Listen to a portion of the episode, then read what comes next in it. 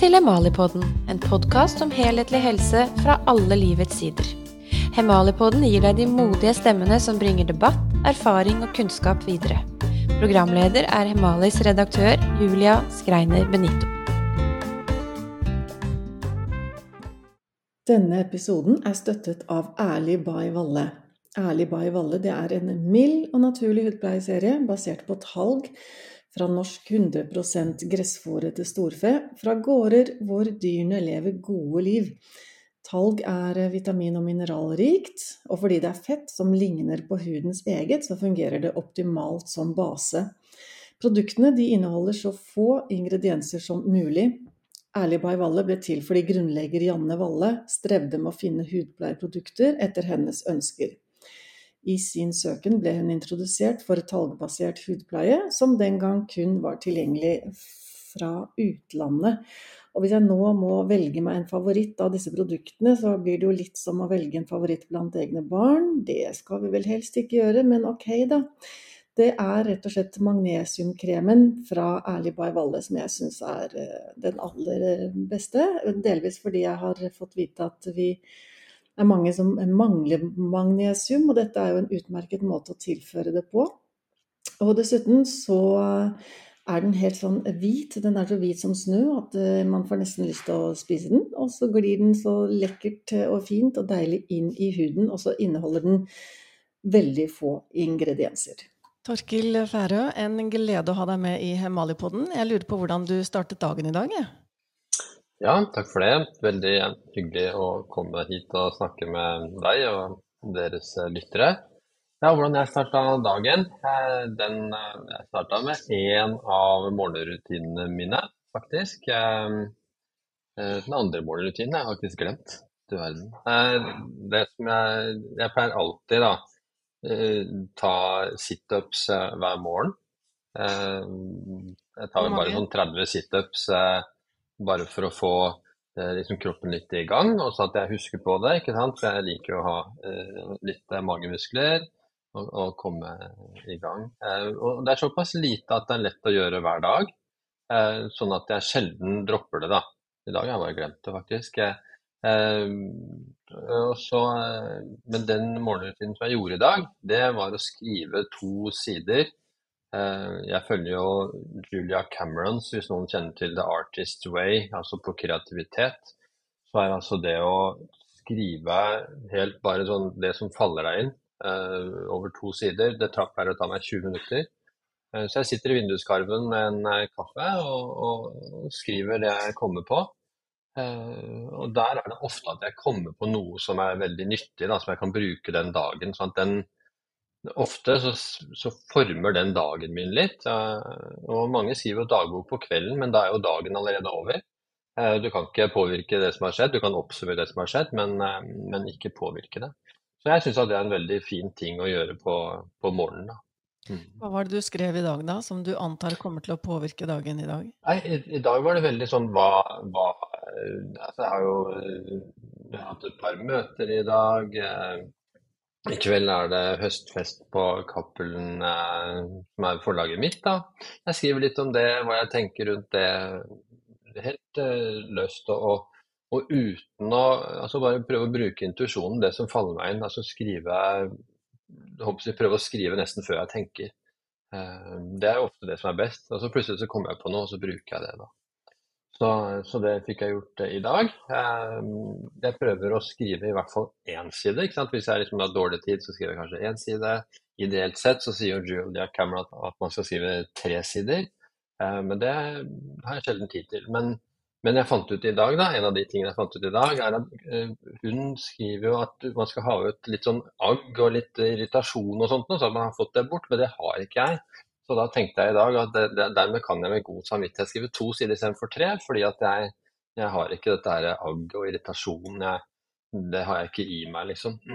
Er det, er, det, fordi du lever så riktig og sunt og i, i tråd med pulskuren, som boka di heter, eller er det rett og slett mer sånn, født sånn? Jeg har nok aldri, aldri vært sånn. Jeg har nok alltid hatt fokus på det som jeg kan kontrollere, og det som jeg ønsker å gjøre. Og, og, og, ting å irritere meg over, og, og ting som er, er negativt som jeg ikke kan gjøre noe med, det noe det bruker jeg ikke noe tid på. Wow. Så, Så du kan kontrollere så, tankene på den måten? ja. Mm. Ja, det har jeg jo lært. Altså, det er en del av kamerakuren. da, for Den boka jeg skrev før uh, Pulskuren, heter Kamerakuren. og Den dreier seg om hvordan du kan styre tanker, hvordan du skal handle, hvordan du skal mestre livet. da, og, og et av det som jeg har lært, er jo å, bruke tanker og konsentrasjon og energi på det du kan gjøre noe med, og ikke det du ikke kan gjøre noe med. Så, og Det er jo en av oppgavene i, uh, i kamerakulen. Mm. Um, Så, så jeg er liksom trent eh, Jeg er egentlig godt eh, trent i, i mentale strategier, da, kan du si. Og vi skal tilbake til eh, definitivt til pulskuren. Kanskje skal vi innom eh, kamerakuren også. Det er jo da boka du kom med for noen måneder siden, Pulskuren, som du har sagt at du ikke hadde tiltro til at skulle få de fantastiske salgstallene som den har fått, så gratulerer med det. Men før vi svinger innom eh, puls og kur, og kanskje tilsynelatende enkel måte å oppnå god helse, så må jeg bare ta fatt i et tema som jeg vet eh, er brennende hos deg. Nemlig det at vi i så stor grad reparerer i helsevesenet istedenfor å forebygge. Du har jo omtalt det nærmest som en kriminell metode. Eh, hva er, hva er det som grenser til det kriminelle her? Det er at vi bruker 3 av eh, helsebudsjettet på forebyggende helse, og 97% på å reparere folk etter at de er blitt syke. Og det var jo ikke så rart for 25-30 år siden, eh, da ikke vi visste så mye om hvordan vi kunne forebygge helse. Vi lærte jo overhodet ingenting om det på medisinstudiet. Eh, og har vel knapt nok vært tema i de 25 årene jeg har jobba heller. Eh, og nå som vi vet så mye om hvordan vi kan forebygge sykdom med trening, med søvn, med tarmbiota, eh, med hvile, pusteteknikker, alt dette her, om hjernens plastisitet, hvordan følelser, hvordan mestring påvirker helsa vår, så blir det veldig meningsløst på en måte å sitte og vente på at folk blir syke av de livsstilssykdommene før vi behandler dem på måter som ofte er ganske dårlige. Altså de, de, de, det er noe effekt av det som vi kan uh, gi dem, med blodtrykksmedisiner, med diabetesmedisiner, med antidepressiva osv. Men det går ikke til rotårsaken, det kurerer ikke problemet. da. Uh, og, og, det gjør at Eh, jeg sitter jo på legekontoret og legevakter og ser at du hadde ikke trengt å vært her. Hadde du fulgt rådene i pulskuren, som, som helt, altså de rådene som er i pulskuren, er jo det som er opplest og vedtatt av hva som fungerer for helsa. da. Hadde du fulgt de, så hadde du ikke tenkt å være her. Du hadde ikke tenkt å, å bli henvist til spesialister i hytt og pine for de ulike, ulike inflammasjonsbaserte sykdommene. Eh, og, du kunne utnytta livet ditt eh, som en frisk person uten å være hindret eh, i din utfoldelse av, av, symptomer og plager og smerter og alt dette her. Men eh, så er det jo slik at her kommer det komplisert psykologi inn. ta oss med inn på legekontoret, Torkil. og Fortell meg om det typiske svaret du får fra den pasienten som sitter der og har diabetes type 2, eh, er overvektig, har høyt blodtrykk, er plaget av smerter, inflammasjon, kanskje depresjon, hva vet jeg. Altså, det høres ut som det er et ja, ganske typisk bilde for tida. Nå har jeg kanskje dratt det litt langt, mm. men ok, la oss ta vedkommende. Og så sier mm. du noe sånn som at uh, dette kunne du ha forhindret, eller kanskje du ikke sier det, men du sier noe sånn som at her er det ganske enkle grep du kan gjøre for å få bedre helse. Hvordan lyder den typiske reaksjonen da? Ja, for det første så er det jo sjelden at jeg sier dette her. Og det er jo fordi at man har på en måte ikke helsevesenet i ryggen på å, å, å endre livsstilen. Eh, og det som ofte er problemet, er jo at de som ikke har endret livsstilen, er jo ofte de som overhodet ikke er motivert for det. Fordi at de som, de som har livsstilssykdommene, som nå er ca. 80 da, av de sykdommene som vi treffer på legekontoret, eh, de som ennå ikke har skjønt at de må trene passe, passe på kostholdet, passe på søvnen osv., det er jo de som har en stor motstand mot det. For de som, de som har evnen til å endre seg, og motivasjonen til å endre seg, har allerede gjort det. Og, og kommer ikke på legekontoret. Da. Jeg vet jo at det på en måte er en gruppe som allerede har en sterk motstand mot om jeg skulle komme med råd om hva de skal gjøre. Da, da blir de som regel bare sure eh, og, og, og, sier ting som at Eh, jeg følte meg dårlig før jeg kom hit, men nå som du sier at jeg kunne gjort noe med dette her, og selv har noe av ansvaret for det, så, så, føler jeg meg enda dårligere. Nå er jeg helt knust, faktisk, og, og takk skal du ha uh, for det. Uh, og, og, sånt orker du ikke lenge som lege å sitte i sånne krangler, men jeg er nok blitt bedre på å klare å identifisere hvem av pasientene som kan være åpne for dette her med å, å endre livsstil. da. Men det er ikke mange. Så du, du, sitter på en måte med den gruppa som i utgangspunktet ikke, ikke ønsker det. Men, og det er jo heller veldig, også veldig få av dem som at Det er masse folk som henvender seg til meg pga.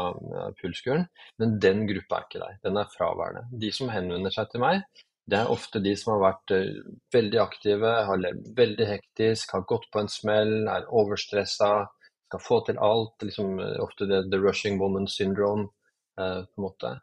Eh, så det er heller de som kommer for å bremse seg litt ned, eh, og de som har, har hatt godt av å, øke farta betydelig, de, de eh, hører jeg ikke noe til. Og det er ikke noe overraskende.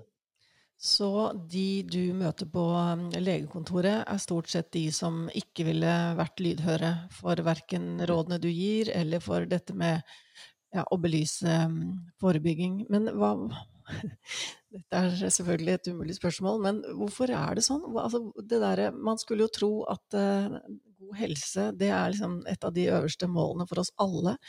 Og hvis uh, svarene ja. kan være forholdsvis enkle til og med, hvorfor i all verden er det så vanskelig? Nei, Jeg tror nok at de ikke har eh, de tror ikke at de kan bli bedre, da. De har ikke troen på det. Så, så uh, de har ikke lært at de kan påvirke helsen sin da, i den graden. Eh, sånn at eh, Og det har jo på en måte helsevesenet på en måte sagt òg. Altså, jeg pratet med moderen i går. Hun spurte sin eh, hjertespesialist hva, hva kan jeg gjøre? Bare ta medisinen, du. Ikke sant? Mm. Sånn at det er det som pasienten rett og slett er blitt oppdratt til. Så det er ikke så rart at de tenker sånn det budskapet om at du kan styre helsa di i, i stor grad, det, det, det, har ikke nådd fram. da. Eh, og har jo da ikke det fokus i helsevesenet, ikke sant? ettersom det bare er 3% av det som, som, brukes på forebyggende. Og Det er jo fordi at det er mer penger som ligger i dette med, med å reparere folk. Vi er spesialister, ikke sant. Tjener, jeg, jeg lever jo av å reparere folk, det er der jeg tjener pengene mine. Eh, det er jo det som har eh, ført meg og familien rundt jorda på, på seilbåt osv. Det, det er tjent inn på min rolle for å reparere folk etter at de har blitt syke. Sånn at det eh, Så det, det, er klart at det er ikke så rart at de tenker sånn, pasientene. da. Samtidig så er det jo uendelige summer å spare for samfunnet som sådan da, i å forebygge framfor å reparere. Mm, mm, ja, ja. Men eh, så, når du beskriver dette med at uh, mange pasienter da, får høre fra legen at bare ta medisinen din, du, så mener du det er et eksempel på at ikke du har helsevesenet i ryggen når du snakker om forebygging? Ja, jeg har også hørt flere kreftpasienter som, eh, som sier at de har, de har, spurt sin kreftlege hva kan jeg gjøre? Det er ingenting. Samme svaret, ta medisinene dine.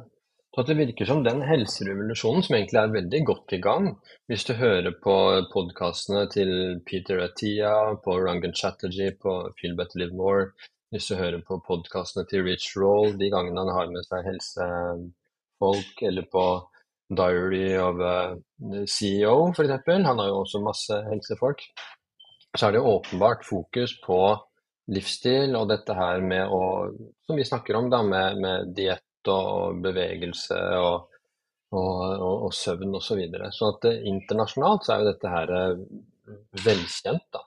Men, eh, men i Norge så, så, så, ser det ut som legene henger langt, langt, langt etter. Det ser ikke ut som de har fått det med seg i det, i det hele tatt. Er det hos legene det bremser, eller er det mer systemisk? Jeg tenker det er hele systemet som, som i seg selv. Det tenker jeg. Men At, wow, altså, man, eh, man skulle jo tro at er det én ting en helseminister har lyst til å ha som eh, sitt ettermæle, så er det at jeg klarte å snu det. Jeg klarte å spare uendelige med, med penger og lidelse og smerte og død ved at eh, jeg virkelig endret det med ja, flytte oppmerksomheten fra behandling til forebygging. Da. Liksom, jeg mm. sliter med å forstå at ikke dette her er et mål overordnet i hele De hadde jo, de hadde jo, ja, de hadde jo spart eh, milliarder. Sånn at, eh, men det er nok det at ikke de vet om det. ikke sant? Eh, altså Sånn som vi så dette med Else Kåss Furuseth og, og helseministeren. ikke sant? Dette med å, Hvordan i all verden kan vi selge så mye karbohydratrik, sukkerholdig mat eh, eh, og, og, til, til folk og til barn? ikke sant? Eh, og så er svaret gjerne at industrien altså er, Man skjønner at industrien har mye å, å si på dette. her. Så først har jo matindustrien gjort oss syke, kan du si. Først har matindustrien gjort oss syke, så har underholdningsindustrien gjort oss eh, stressa. Og så står eh, legemiddelindustrien klar for å, å, med sine produkter for å prøve å justere litt på skadevirkningene. Da. Ja, Så follow the money. Det er ikke noe penger i det som gjør deg frisk. da.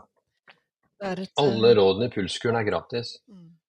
Sove bedre, bevege seg, eh, kulde, eh, faste, eh, ren mat, eh, pusteteknikker, eh, drikke vann istedenfor eh, andre ting. Alt dette her er jo gratis, eh, og, og, og derfor blir det ikke brukt. For det er ikke noe, det er ikke noe krefter bak dette her som har noe å tjene på det.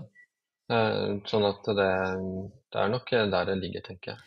Og dette skal vi tilbake til, dette med dine råd som vi bl.a. finner i, i Pulskuren. Men eh, jeg vil ikke slippe det helt, dette med legene. Um, jeg husker en um, fantastisk lege som jeg kjenner. eh, Sjur Even Aunmo heter han. Han var forresten en som um, fikk sparken da han informerte sine pasienter om mulige bivirkninger, også ikke bare mulige fordeler, men mulige bivirkninger av disse mRNA-vaksinene. Det er en annen historie. Han fikk eh, jobben tilbake etter hvert. Men i hvert fall, han eh, snakker om det at da han ble uteksaminert fra medisinstudiet, så var jo ikke han noe mindre ivrig på å søke ny forskning, søke kunnskap, hele tiden eh, utfordre seg selv. Hvorav tonen for øvrig eh, eh, blant hans eh, kullinger var mer den derre åh, endelig ferdig. Nå skal jeg aldri mer lese forskning eller åpne en bok. Ja. Eh, mulig Ja. litt sånn forenklet bilde, da. Men eh, er det din erfaring, Torkil? At eh, mange leger er rett og slett ikke interessert i å henge med? Ja, ja, og jeg har jo sånn selv, så jeg skal ikke drive og Altså jeg, sånn som i pulskuren, så har jeg, jeg har gjort alle de feilene, ikke sant. Jeg, har, jeg veide 20 kilo mer, jeg røyka, snusa, drakk alkohol omtrent uh, hver dag. Det var jo sunt på den tida. Det skorta på søvn og alt. Men i tillegg til det, alle de feilene, så gjorde jeg også den profesjonelle feilen, som, akkurat som du sier, at nå hadde jeg lest så og så mange bøker, nå var jeg ferdig utdanna. Eh, og, og, og, og jeg knapt nok en bok altså om helse eh, på, på sikkert 15 år. Eh, og det som snudde alt, det, det var jo at, eh, at faren min ble syk og døde av en, en sykdom som har relasjon til kostholdet osv. Det er en helt vanlig ting, altså en, en, en kreftsykdom som, eh, som mange har. Han hadde ikke noe spesielt uh, annet kosthold enn enn det vanlige. Men da begynte jeg å sette meg inn i Da begynte jeg å interessere meg for det. Plutselig så trakk jeg fram bøker igjen og, og søkte aktivt etter informasjon. Fordi at jeg så at hvis jeg skulle leve like lenge som faren min, da, så hadde jeg plutselig liksom bare 28 år igjen å leve. Eh, og fant ut at det er altfor lite i forhold til alt jeg ønsker å oppleve. Da. Og da så jeg at her hadde det skjedd mye siden sist jeg åpna en legebok eh, frivillig da, på de 15 årene. Eh, og, og da var det jeg begynte å ta igjen dette her med det tapte, da. Eh, jeg så jo eh, altså alle disse områdene jeg snakker om med, med, med, pust og puls og, og diett og alt dette her. Jeg så at her hadde de kommet veldig langt på de årene som jeg på en måte hadde sovet i timen og vært opptatt av andre ting. Altså oppdra barn og travle dager, ikke sant, og så videre. Eh, Sånn at jeg kan godt skjønne at de aller fleste legene stole på det de lærte på studiet, og kanskje på sitt lille fagfelt, og, og har vært lite nysgjerrige. Jeg opplever at, at, veldig mange leger også er lite nysgjerrige av mine kolleger. da. Eh, sånn at eh, du, du, Jeg tror, tror, nok det ligger der. Og de, de, har en lang vei å gå. Så hvis, du, hvis, de nå på en måte starter med blanke ark og ikke vet så mye om forebyggende helse, så har de ganske mye de skal sette seg inn i. Så det er mer en stengt dør du møter enn åpenhet og nysgjerrighet når du begynner å snakke om dette med forebygging og de enkle grepene for bedre helse? Ja, det er vel eh, begge deler, tenker jeg. Det er eh, både, både altså Mange unge leger er jo veldig interessert. Sånn som inne på pulskuren.no, som er det sosiale nettstedet som jeg driver. da. Eh, der er det jo en 40-50 leger som er veldig interessert, veldig på ballen. Mens de i min generasjon da, oppover, de, de eh, tror jeg ikke følger så, så godt med på, på, utviklingen. Nei. Da må vi si hvor gammel du er. Ja, jeg er 54. Mm. Um, Mid middelaldrende, vel så det. jeg skjønner. Um, hva med legestudiet, da? Har du inntrykk av at uh, det har fulgt med i timen, med tanke på all den kunnskapen du nå nevnte? Og den var kanskje kunnskap du mer fant i utenlandske kilder enn i norske? Ja, nei, jeg tror ikke det f.eks. Ole Petter Gjelle sier, så er f.eks. ikke det med trening noe uh, inn i studiet. Og det sier han, for det vet han, for det er han som har de tre kvarterene med, med treningsundervisning i løpet av studiet. Eh, sånn at eh, jeg tror ikke at det, at det fortsatt er eh, en del av pensum, det med forebyggende helse. Det vi, det vi, har lært, er jo altså Vi har studert medisin. Vi har studert det å diagnostisere og kategorisere sykdommer. Og finne ut mekanismene bak det. Og hvilken medisin som skal brukes til hva. Eh, men det som er revolusjonerende i medisinen de siste årene, er jo det at det er funnet ut at i, i bunnen av alle de forskjellige sykdommene så ligger det dårlige mitokondrier og dårlige celler. Eh, sånn at hvis du sørger for mitokondriene dine, at de får gode forhold og gode celler, så vil da sykdommene som finner sted i alle kroppens organer, som alle de ulike spesialitetene konsentrerer seg om, så, så eh, vil du på en måte kurere dem, eller unngå at de sykdommene oppstår. Ikke sant? Alt fra demens til hjertesykdom til nyresvikt eh, til diabetes. Altså hvis du, hvis du passer på at cellene dine har eh, gode arbeidsforhold eh, gjennom livsstilen din, da.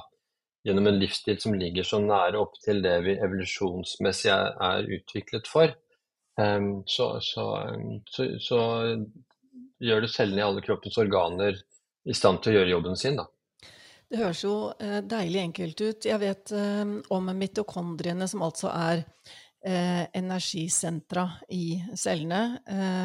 rett og slett der energien omsettes, hvis jeg har forstått dette rett. Mm.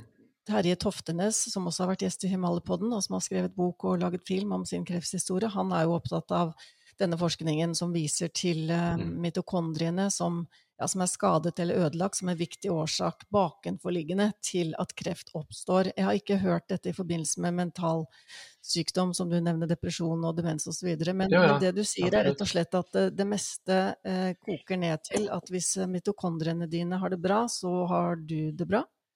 Mm, absolutt, og en av de veldig gode bøkene på dette her er jo 'Brain Energy' av Chris Palmer. Eh, altså hjernen, hjernevekten er 40 mitokondrier. Og, og, da blir det jo klart at når eh, du ikke har sørget for at de har gode vilkår, så vil du få symptomer. Eh, og mye av det som er eh, depresjon, eller man kan kalle mentale lidelser, er i virkeligheten sånn hjernen din eh, har det når mitokondriene eh, fungerer dårlig. da. Ehm, for at du, du, får på en måte ikke Du har ikke på en måte smertefibre sånn som i andre eh, organer, eh, men du vil føle deg med, med hjernetåke osv. Med, med dårlige mitokondrier. Så, uh, sånn at En ting er jo hvis du har, har en traumatisk historie bak deg som gir deg en god grunn til å føle deg som det er. At det er en normal reaksjon på en unormal eller ubehagelig eh, opplevelse eller bakgrunn. det er jo sin ting. Men det som ofte er på legekontoret, er jo at du spør pasientene hvorfor har du det sånn. Jeg vet ikke. Mm. Er det noen grunn til at du føler det sånn akkurat nå? Nei. Og i den gruppa, sier han da, så vil du finne en stor andel som vil bli bedre, f.eks. At noe av den grunnen til at trening er så effektiv for depresjon, noe av den grunnen til at kuldebad osv. er så effektiv for depresjon, Eh, og, og kostholdsendringer er jo nettopp det at du gjør mitokondriene dine og dermed cellene dine bedre. Og så, så, så letter disse her eh, symptomene da, eh, fra, fra hjernens påvirkning av dårlige mitokondrier. Du har sagt det vakkert og enkelt, noe sånn som at gode celler gir gode tanker? Ja, ja man, kan nok, man kan nok si det sånn, ja. Ja, ja. Og hva er det beste livet vi kan leve for mitokondrienes skyld, da? Ja, det er jo nettopp det som eh, er i pulskuren, da. Med å passe på god, eh, god eh, søvn. Det er liksom første trinnet, kanskje det aller, aller viktigste.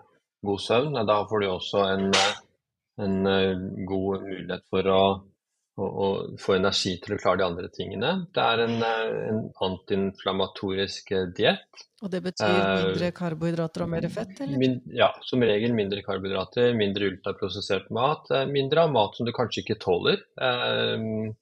Og det vil du ofte se på pulsklokkene, at du, at du spiser en type mat som du reagerer i overkant mye på. Man reagerer som regel på mat, ikke sant. Det er jo en, en jobb du må gjøre, som immunforsvaret må gjøre. 70% av immunforsvaret er jo organisert rundt tarmen av en god grunn. ikke sant? At det er jo, Tarmen er jo på en måte én celle fra tarminnhold og inn til blodbanen. Eh, og er jo på en måte kanskje åtte meter med, ikke sant? med et veldig veldig sårbart eh, system. Eh, og hvor, hvor immunforsvaret skal identifisere fremmede stoffer. Både ting vi, vi uansett ikke skal spise, som toksiner og sånt nå Eh, men også stoffer som det reagerer på, om det er gluten, om det er melkeproteiner, egg for noen. ikke sant? Jeg reagerer veldig på chili f.eks. Eh, da vil det slå ut på klokkene og instrumentene at, at her er kroppen mer stressa enn en, den hadde trengt å være. Og, og, Da kan du slutte med de, med de matvarene, og så, så vil det, kroppen dempe inflammasjonen. da. Eh, så, så, inflammasjon vil jo gjøre cellene dårligere generelt. Eh, det er det som er problemet med kronisk inflammasjon. Så denne pulsklokken, da, du må sikkert ha en dyr, avansert variant, den eh, måler rett og slett Å oh, nei, ok, det kan vi komme tilbake til. Men den måler rett og slett stressnivået. Mm. Og så vet Den bruker, den bruker heart rate variability. Og Heart rate variability, eller pulsvariasjon, er jo et etablert mål på tilstanden i det autonome nervesystemet. Eh, og det som det er, er at når du puster inn, eh, når du er i en hviletilstand, da, når du puster inn, så vil hjertet raske på frekvensen for å utnytte at lungene er fulle av oksygen.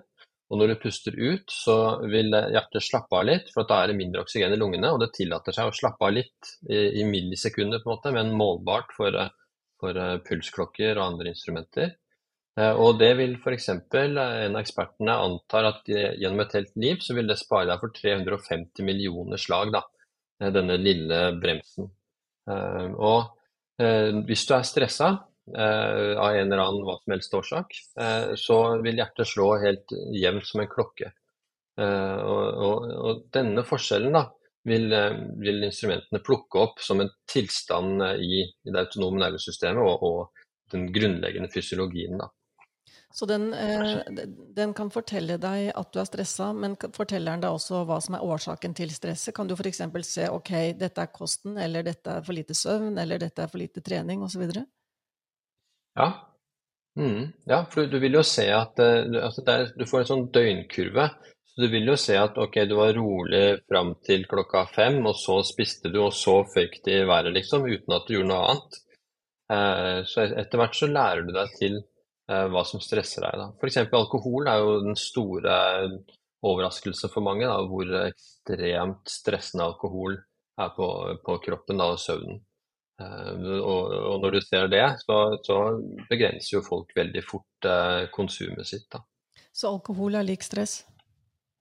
Alkohol er flytende stress. Det er stress på flaske. Absolutt. Blir så Og noe av det verste stresset, av sånn noen glass rødvin, jeg. Ja, det er det som, det, det som er sånn Dr. Jekyll og Mr. Hyde-effekten av alkohol, da, er jo at når du drikker alkohol, så vil eh, det frigjøre GABA. Eh, så det vil gjøre at du blir roligere, ikke sant? Og det er jo grunnen til at man har selvmedisinert seg på alkohol til alle tider, ikke sant? At du blir roligere, og du kan se det på kurven også, at du, du kommer over i, i parasympatiske tilstand. Du slapper jo veldig godt av, ikke sant? Men så, da, så må alkoholen omdannes, altså på veien til å utskilles fra kroppen, må alkohol via acetaldehyd. Og acetaldehyd er noe av det giftigste som er, og noe som da hele kroppen må prioritere foran alt annet å få ut. Da.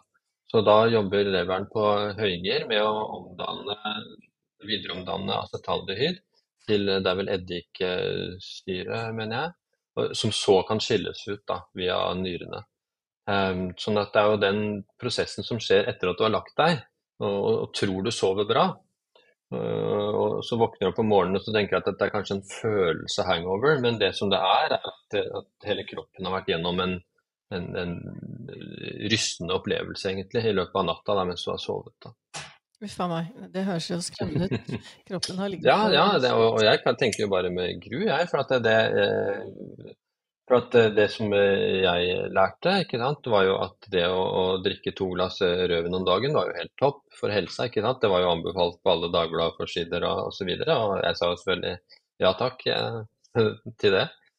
Sånn at eh, eh, det er nok mye, mye skade jeg har gjort på kroppen ja, gjennom mange, mange år. Eh, Så, så får vi bare håpe at, at det går an å, å snu det, men det tror jeg at man kan. Eh, For da, bare forrige uke så kom det en undersøkelse av amerikanske krigsveteraner. da. 700 000 som har vært fulgt opp gjennom sånn som 30 år. Og så så de på, og det er, dette er så bra med studiene, at de tar åtte livsstilsgrep og undersøker åtte livsstilsgrep over disse årene. Og da kunne de se at hvis du startet med disse grepene fra 40-årsalderen, så ville de som brukte de åtte grepene, leve 24 år lenger enn de som ikke brukte det.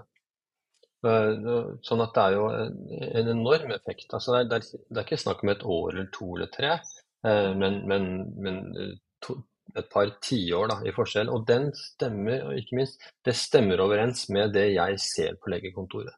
Det, det er mitt inntrykk at, at eh, en, som, en som gjør disse gode livsstilsgrepene gjennom hele livet, eh, de blir gjerne 90, 90, 91, 92, 93. De klarer seg fint hjemme fram til den tiden, før det går ganske raskt utafor nedover de siste par-tre årene. Mens de som sliter med de dårlige livsstilsvalgene, de er ofte syke fra de er 45 år, har begynt med medisiner, er begrenset pga. helse, og, og, og dør i en stor grad kanskje som, som 70-åringer. Hvis, hvis du gjør de åtte grepene feil. Ehm, så, så, så det kjenner jeg meg igjen i det, i det kliniske bildet også. Men før vi slipper alkoholen helt, ehm, du er opptatt av evolusjon, at vi gjennom eh, tusenvis av år har tilpasset oss eh, miljøet vi lever i. Har ikke mennesket til enhver tid eh, fått i seg i en eller annen form gjæret frukt? Er vi ikke tilpasset noe alkohol? Det vil jeg nok ikke tro, for det er 10 000 år da, siden de begynte med, med alkohol, sannsynligvis fra korn. ikke sant? De tror jo faktisk at vi ble jordbrukere for å, å, og gjærekorn til eh, øl. Da. At det var en av de tingene som gjorde de næringsstoffene tilgjengelig.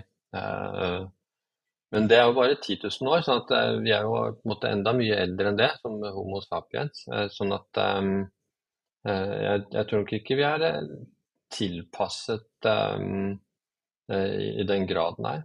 Åpenbart ikke, da, ikke sant? Siden alkohol var f.eks. et et av de åtte livsstilsgrepene som, eh, som gjorde at folk døde før. da. Så Eh, det, man, må nok, man må nok enda lenger tilbake, altså med, med tanke på både kost og, og livsstil enn de tid. For det er jo, vi, de ser jo da, når de begynte jordbruket, så så de at helsa ble dårligere. Ja, og, og de så at folk levde kortere, de hadde dårligere tenner, de var kortere. Sånn at den prisen for å, å lokalisere seg på sted og drive med jordbruk, den ble høy helsemessig. Da. Den gjorde at du ble mer kan du si, forutsigbart med tanke på hva du fikk inn av, av næringsstoffer. Og, og, og, matsikkerhet, kanskje. Men i forhold til å, å leve av det som måtte befinne seg rundt deg til enhver tid. Da. Men prisen helsemessig ble høy. da. De ser, og, og bare på, de ser på tennene, på karies, på, på hull i tennene osv. At det var et stort skifte fram til, til jordbruk. da. Tilbake til eh, flere råd for eh, god helse eh, innenfor det vi faktisk mestrer, nemlig livsstil. Eller kan mestre, i hvert fall potensielt mestrer. Du har snakket om søvn, du har snakket om alkohol, og så har du sagt at det kan være fornuftig å redusere inntaket av karbohydrater på bekostning av eh, altså mer fett, mindre karbohydrater. Og så eh, vet jeg at du er en ivrig tilhenger av eh, iskalde dusjer. Hvor kalde, og hvor lenge må man stå for at det har effekt? Og hvorfor? Det var mange spørsmål på en gang. ja. Nei, de ser jo, ikke sant, og Det er jo Wim Hoff som har vært sånn foregangsmann på dette med kulde. ikke sant, og selvfølgelig Hvis du for ti år siden hadde sagt at uh, ta deg en kald dusj og bli friskere, liksom, så hadde jo hele legestanden bare flyrt av deg og lurt på hva slags, hva slags tulling er dette her. Uh, og og han ble jo sikkert eh, flirt ut. Men det som eh, viser seg, er jo at uh, kulde demper inflammasjon. Så det er en eller annen urgammel effekt ved kulde som gjør at den inflammasjonen som er problemet i hele organismen vår, dempes av kulde. Og det ser vi jo på klokkene. så hvis jeg skal jeg trenger å være roligere, så kan jeg bare ta meg en, en kald dusj et par minutter, pleier jeg å ta. Jeg har en sånn, jeg har en sånn måler som du kan få, få kjøpt på, fra CD-on. Jeg har bestilt den, som, som, du setter på, å si, på slangen. Sånn at du ser, ser sånn at, uh, hva temperaturen er til enhver tid. Og nå på sommeren så kommer det ikke under ti grader, da. I dusjen her, eh, på, kanskje på vinteren så blir det kanskje seks-sju grader i dusjen. Det, der, det er mye, mye, mye vondere. Men da er det to minutter med, med utfordring, altså, for det er kaldt. Du rekker, klarer ikke å tenke på handlelista eller noe mens du eh, sitter under den kalde dusjen. Eh, og, og, og, da er det jo en sånn stressaktivering. Men så ser vi på, på klokka at kanskje to-tre timer etterpå så er det en dempning av, eh, av, nervesystemet. At du kommer over i parasympatisk modus. Og det ser de aller fleste som bruker klokkene, og det er jo det som er så interessant. da det at du ser hvordan du reagerer. For det er absolutt en del eh, som, med, som, ikke får den effekten. Så selv om de gjør det samme som alle de andre, så blir de mer stressa i etterkant av en sånn eh, dusj. da. Og det som kjennetegner dem, er ofte at de har et tynnslitt nervesystem, som jeg kaller det. At de, har, at de er en sånn fatigue-tilstand. ME-tilstand. Fatigue utbrent av en eller annen årsak. Da. De har en tendens til at det ikke fungerer for dem. Og dette er jo det som er så bra, at dette er personlig eh, helse. da. Altså hva er det som fungerer på deg? For at det som vi er som leger eh, opptatt til tradisjonelt, er jo å få et gjennomsnitt. Hvordan reagerer et gjennomsnitt på denne og denne behandlingen? ikke sant? Og de har jo til og med kutta ut outliers, sånn som Terje Toftenes og andre som blir helt friske av tingene ikke er blitt friske av. De blir jo kutta ut, og legene er heller ikke interessert i å vite hva som har skjedd med dem som ble så gode, eller som, eh, som klarte det man ikke skulle tro. Det, det blir liksom sjalta ut. Og så jakter de på gjennomsnittet. Og det trenger jo ikke å ha verdi, noe som helst av verdi for deg. ikke sant? Så det er jo kanskje en av de store feilene som skjer i forbindelse med forskning. Eh, at, eh, at innenfor et gjennomsnitt så, så, vil du se store variasjoner. da. Og, og det som hjelper et gjennomsnitt, kan både hjelpe deg veldig mye ikke sant? og hjelpe deg veldig lite. da. Men jeg, eh, jeg, kan ikke skjønne annet enn at det å skulle anskaffe seg og bruke en ja, skal Vi kaller det bare pulsklokke, gjør vi det? Mm, eh, ja. Som da skal gi deg en rekke data. Jeg kan ikke skjønne annet enn at det er en bevegelse vekk fra dette med eh, å søke innover og lytte til egen kropp å lytte til seg selv og lytte til jeg vet ikke, jeg kaller det noe, noe åndelig spiritualitet, en indre stemme, intuisjon. Og jeg vil jo tro at uh, en av de aller beste veier til god helse er nettopp den evnen, evnen til å ja, uh, lytte innover. Ja, ja, man skulle jo tro det. Uh, og det er et veldig interessant spørsmål som vi har holdt på, på mye med. Og, og, det som er interessant, er jo også at hadde vi vært gode på det, så hadde vi jo ikke havnet opp i dette problemet med alle de stressrelaterte sykdommene. Og, og, det som jeg sammenligner med, er at eh, vi har veldig gode sanser, ikke sant? utviklet gjennom millioner, for ikke å si hundrevis av millioner år fra før vi, før vi ble mennesker.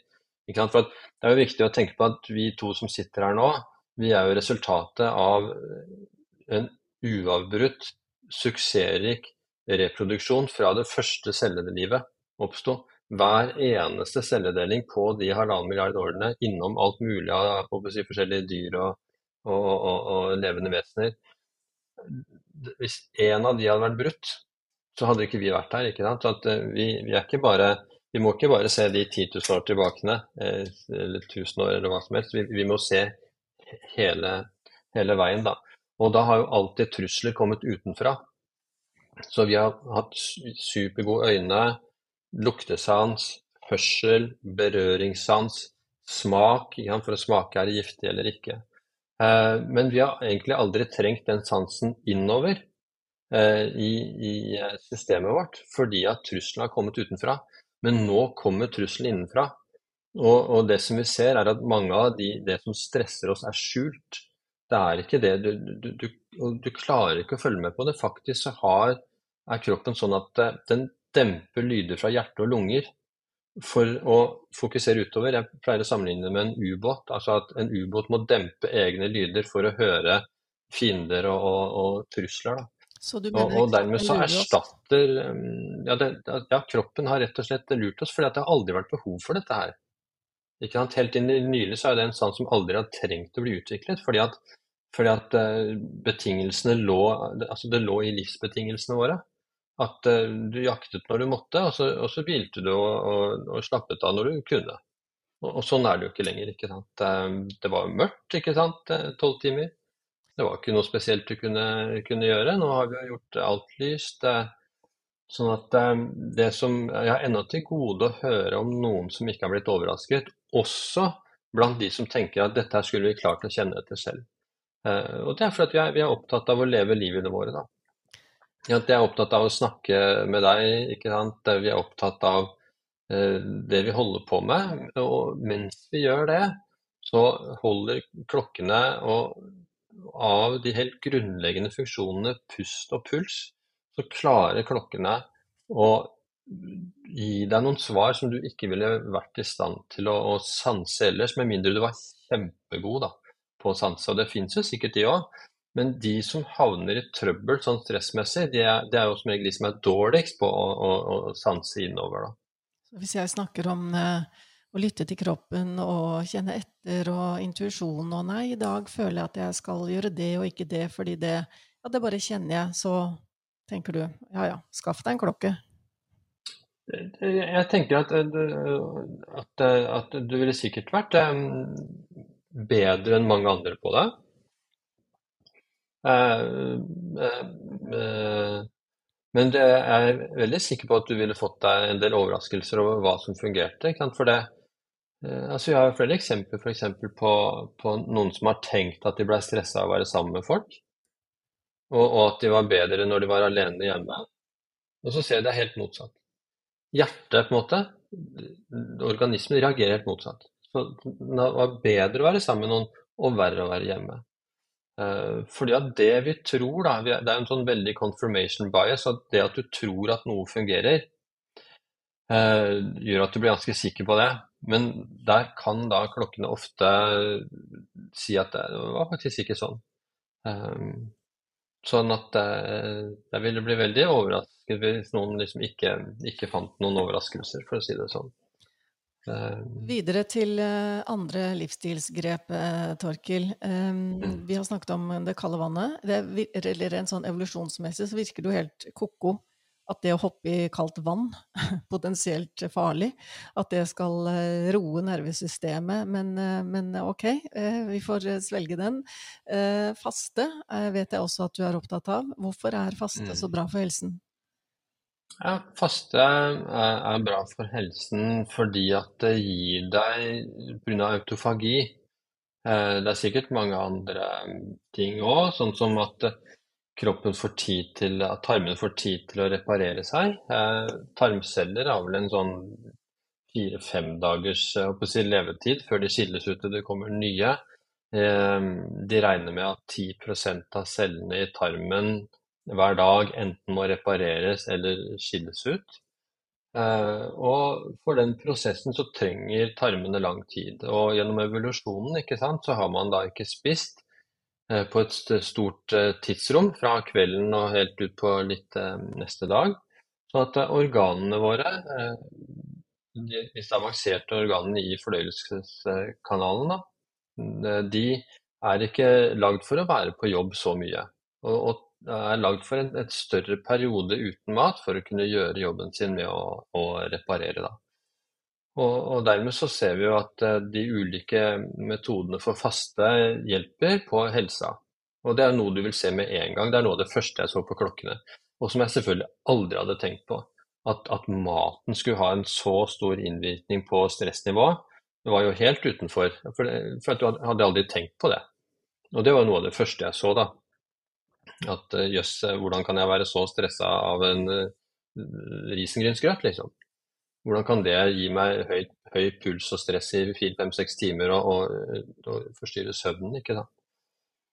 Eh, etter hvert så fant jeg ut at det er fordi at jeg tåler melkeproteiner dårlig, da, som et eksempel. Um, men det med faste gjør i hvert fall at kroppen og tarmene får tid uh, uten å være opptatt med å fordøye, som den trenger. Og I tillegg så har du det med autofagi. det med at når kroppen ikke får Hvis du spiser, så bruker kroppen av det som du gir den der og da eh, til en del av prosessen. Hvis du ikke spiser og faster, så begynner kroppen eh, på en veldig smart måte å spise av de dårligste cellene dine. Så det er en, Autofagi er en måte som kroppen rydder opp og renser opp i systemet ved å begynne å resirkulere og spise av de dårligste cellene dine og bruke det materialet som kan brukes, og, og, og, og, fjerne det materialet som ikke kan brukes. Da. Gjenbruk. Og autofagi er jo ikke, det er jo ikke så lenge siden de fant ut at det var en, en sterk faktor. Han fikk vel Nobelprisen for den, eh, det funnet der. Eh, sånn at, eh, og det, det, ser vi jo på klokkene også, at, at det å ikke spise gir en ro, da.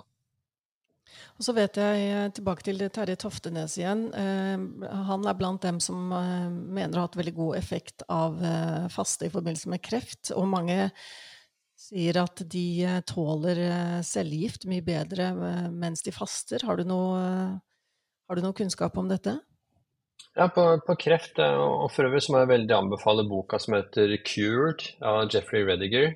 Um, fordi at um, Hvis vi bare tar litt uh, Terje Toftenes da, fordi at, uh, og, og, andre som han. For det finnes jo en hel mengde med sånne som han, som er på en måte helsemessige Erling Haalander, uh, som har klart noe du ikke skulle tro var mulig. da. et høyt på en måte, helseprestasjonsnivå, om man kan si det sånn. Og, og, de blir da, som jeg nevnte tidligere, ofte sjalta ut av undersøkelser for at de er sånne ekstreme outliers. Men Jeffrey Rediger, som har skrevet uh, 'Cured', uh, han har jo gått og funnet dem, og funnet hva gjør dere som har klart dette her, om det er kreft eller leddgikt eller, eller, hva som helst annet. Og de gjør det samme, som i praksis er rådene i pulskuren. da. Uh, og, og, som i praksis er de samme rådene som Blue Zone, som du sikkert kjenner til også. Så at ved det å gå ut og finne ut hvem er de som har klart seg best, og hva de har gjort, så, så har de funnet at det som Terje Tofte sier, det er på en måte det som funker. Og det han har gjort, og det de andre gjør, det er egentlig å, å endre, snu livet sitt helt rundt på alle områder. Eh, på alle disse vi har snakket om, og, og også spirituelt og, og finne meningen med livet og, og, og slike ting, da, som selvfølgelig er viktig. Når det gjelder det med kreft, så er det jo også det at kreftcellene de eh, elsker jo sukker. Fordi at kreftcellene har jo fjernet seg fra den vanlige måten å omsette energi på, til en anaerob måte å omsette energi på. Ved den anaerobe måten å omsette energi på, så trenger de sukker. Og, og ved den anaerobe prosessen så skaper de også et syrlig miljø rundt seg som ødelegger for de andre cellene rundt. Det er også en av strategiene til kreft. Eh, og, mens når du da faster, så vil du strupe en del av tilgangen på energi til kreftcellene, mens kroppens egne celler, inkludert immunforsvar og alt, de fungerer helt fint på ketoner, og kan i stor grad til og med foretrekke ketoner som drivstoff. da. Så at når du faster, eh, så så, så, vil du på en måte ødelegge for kreftcellene eh, og, og, styrke egne celler. Da. Så den, du forskyver den balansen. Så, så. Og ketoner, bare for å skyte inn det, det er altså eh, næring som spesielt eh, hjernen er glad i, så vidt jeg har forstått. Og ketoner altså mm. en alternativ eh, energiform som eh, forutsetter at du faster eller at du ja, dramatisk reduserer på inntak av karbohydrater, stemmer ikke det? Det som er, og da skaper leveren ketoner. Så den, den, den lager et drivstoff som, som er effektivt. Og, og, og, det er jo klart at når du faster også ikke at vi er jo Evolusjonsmessig så er vi jo lagd for lengre fasteperioder. Hvor vi, hvor vi da selvfølgelig ikke blir slappere. Altså, du merker jo på, når du, når du, faster, så blir du roligere og skjerpa samtidig. Så det er som om du får en slags sånn parasympatisk ro.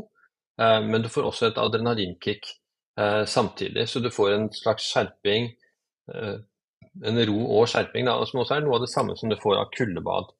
Så du får en ro, men det er også en adrenalinmobilisering, som, som, som er noe av det som gjør at folk i forskning og undersøkelser viser seg at det er, bra mot depresjon og, og angst. og det er jo det er interessant hvordan så mye koker ned til godt cellemiljø. Hvordan det meste mm. av ja, alle disse livsstilssykdommene vi har snakket om, og som eh, preger eh, bildet nå, hvordan det ja, henger mm. ned til ja, Du sa inflammasjon og, og mitokondrier som, eh, som, ikke har det bra. Jeg kom til å tenke mm. på en erfaring jeg gjorde mm, nylig som sjokkerer meg, og som egentlig forteller meg at det står bom fast, ikke bare med tanke på legers manglende oppdateringer og kanskje manglende åpenhet og nysgjerrighet for at også innenfor medisinen så kommer det stadig nye ting, og, og verden går videre. Og ikke minst har vi nå veldig mye mer økt mye mer kunnskap om eh, å forebygge enn bare for få år siden. Men dette ser ut til å gjelde også innenfor toppidrettsmiljøer. Jeg intervjuet en, eh, en toppidrettsutøver som sa til meg at um, jeg løper, når jeg løper om morgenen, så gjør jeg alltid det på fastende mage, fordi da løper jeg rett og slett mye bedre. Og jeg intervjuet ham og skulle publisere det, og hadde, altså da lød overskriften 'Jeg løper best på fastende mage'. Han fikk støtte fra Olympiatoppen osv. Han var jo helt avhengig av ja, både faglig støtte og, og penger, penger derifra. Eh, og da sa han vet du hva, Julia, det er eh, helt riktig som det står i overskriften, jeg løper best på fastende mage. Vet du hva, du kan ikke skrive det.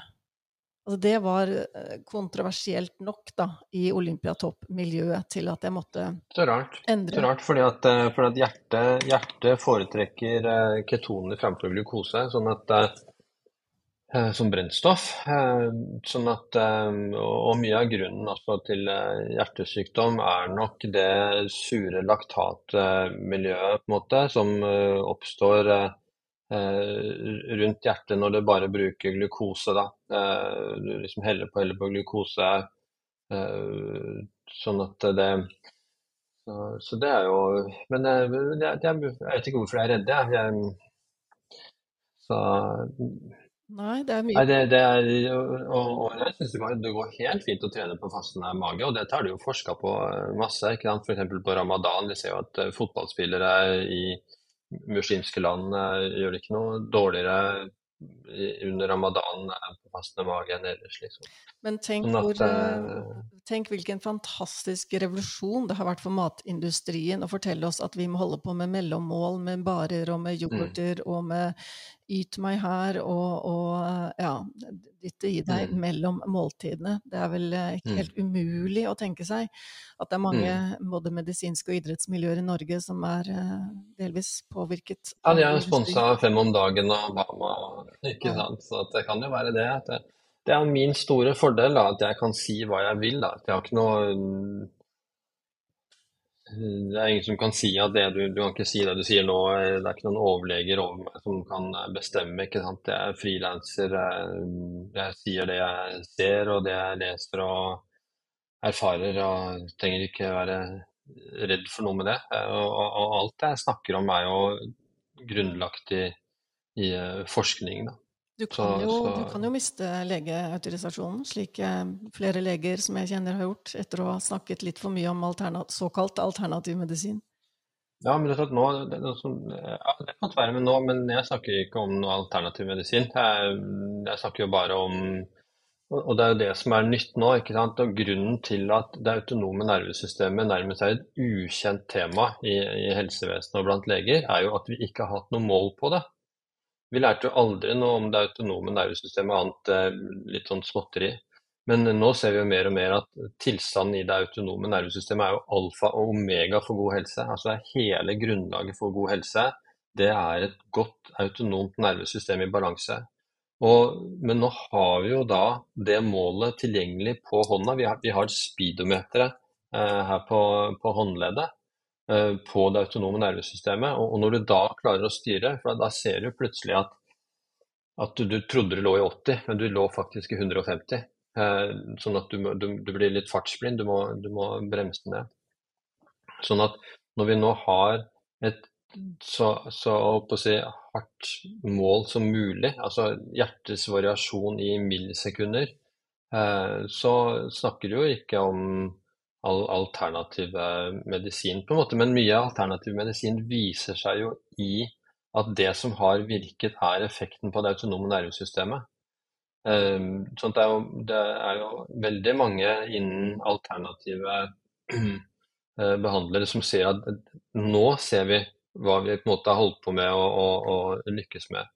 Uh, og, og, så har jo plutselig et, et, eh, helt objektivt mål på det, da, utover det at pasienten sier at, at de ble bedre. Da. Um, og, og, kan, um, og, og forskninga på heart rate variability har jo eksplodert.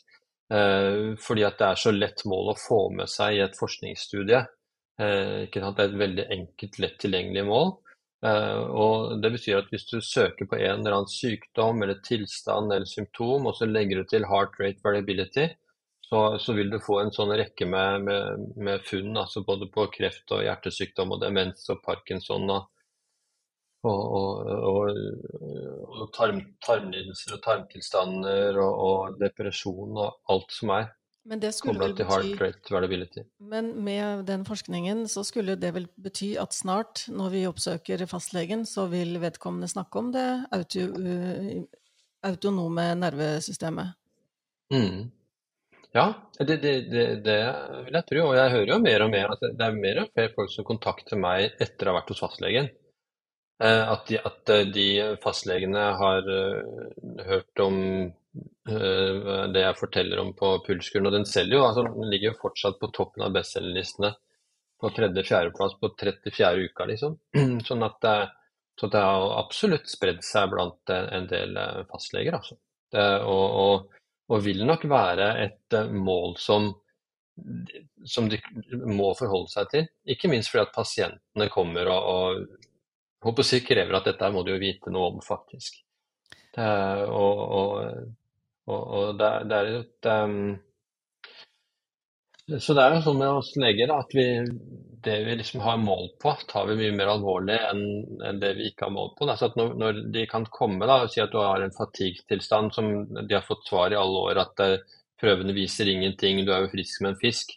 Men når de kan vise kurvene fra, fra Garmin-klokka, så, så, lurer du ikke på om dette er et system som er i balanse eller ikke, da, for å si det sånn. Så det gjør inntrykk på legen? Det gjør, nok, det gjør inntrykk på legen. Uh, det er nok mange leger ikke gjør inntrykk på, som ikke, ikke vet noe. men, men men mer og mer så, så, så vil de få en respons på, på det, ja. Eh, vi må snakke litt om legen. Mm. Selvfølgelig, eh, eller i hvert fall trolig, en like mangfoldig gruppe som ikke-leger. Men likevel, jeg syns å høre en del ut ifra alle de menneskene som ja, forteller om legebesøkene sine, og til dels også egen erfaring, så syns jeg liksom det er en sånn gjenganger av manglende åpenhet, manglende mm. nysgjerrighet, ganske mye skråsikkerhet og mm. ganske mye den der 'nei, men det har vi ikke studier på'. Jo, jo, mm. men jeg, jeg, kan ta et eksempel fra eget liv. Det var en periode hvor jeg drev og løp maraton. Og da hadde jeg lest en bok av en kar, en av dem i verden, som har løpt flest maratoner, en amerikaner som heter Stu Middleman. Han skrev en bok om betydningen av å spise fett når du skulle løpe langt, og redusere dramatisk på karboinntaket. Jeg tenkte, altså Det var så logisk. Eh, han forklarte det godt, og jeg tenkte dette må jeg jo bare, dette må jeg bare prøve. Og så sier jeg det til fastlegen, da. Og så sier hun ja, men å nei, det må du Lavkarbo, nei, nei, nei. Dette er hvor mange år siden? 15 år siden, kanskje. Nei, nei, nei, det må du ikke finne på. Ja, hvorfor ikke det, da? Nei, da ble hun litt så rådvill. Men nei, du bare må ikke det, liksom. Ja, men kan vi ikke ta noen prøver, da? Se hvordan det står til i kroppen? Jo da, det kunne vi gjøre. Jeg husker ikke hva hun tok, jeg, men sikkert en del sånn generelle, gode parametere for helse, da. Og hun ringer meg, og så sier hun nei, kjempefine prøver. Ja, men, eh, men jeg gjentar. Eh, du bør fravike det lavkarbokostholdet. Og alle, er, alle, legene på huset er enige. Jeg har rådført meg med de andre legene på huset, de er også enige. Og så sier jeg, men når du sier at prøvene er fine, jeg har det bra, jeg løper maraton, hvordan i all verden kan du da råde meg til å endre på livsstil? Nei, det hadde hun jo ikke noe svar på, men sånn var det bare. Og nå skal ikke jeg påstå at det er liksom superrepresentativt for, for, leger der ute, men jeg husker jeg tenkte men i all verden, det må da være dels plagsomt og vondt å være så skråsikker på så tynt grunnlag, men kanskje mm. dels også veldig behagelig. Da. Kanskje det er uh, veldig mye enklere enn å skulle justere litt på den oppfatningen du kanskje har hatt siden den dagen du kom inn på legestudiet? Mm. Ja, ja, altså den eh, pleier å si at eh, vi er jo opplært da, som studenter av uh, arrogante og ignorante leger, da, ikke sant. Det er jo sånn professorene var når vi studerte, og, og på den tiden så dryppet jo kunnskapen ovenfra. Sildret eh, ovenfra, fra de høye professorer og, og, ned til oss, ikke sant. Og, og alt som gjaldt var randomiserte, dobbeltkontrollerte, blinde studier, og, hva de viste av et gjennomsnitt av hvordan ting eh, er. Og, det var jo hele sannheten. Så alle som mente noe annet, de eh, hadde ikke noe å, å, komme med, da. Eh, sånn at eh, vi er jo opplært til det, og, og du har jo altså, Jeg tror leger er nok kanskje mindre forskjellige enn de fleste andre. For vi er jo selektert etter et høyt karaktersnitt. da.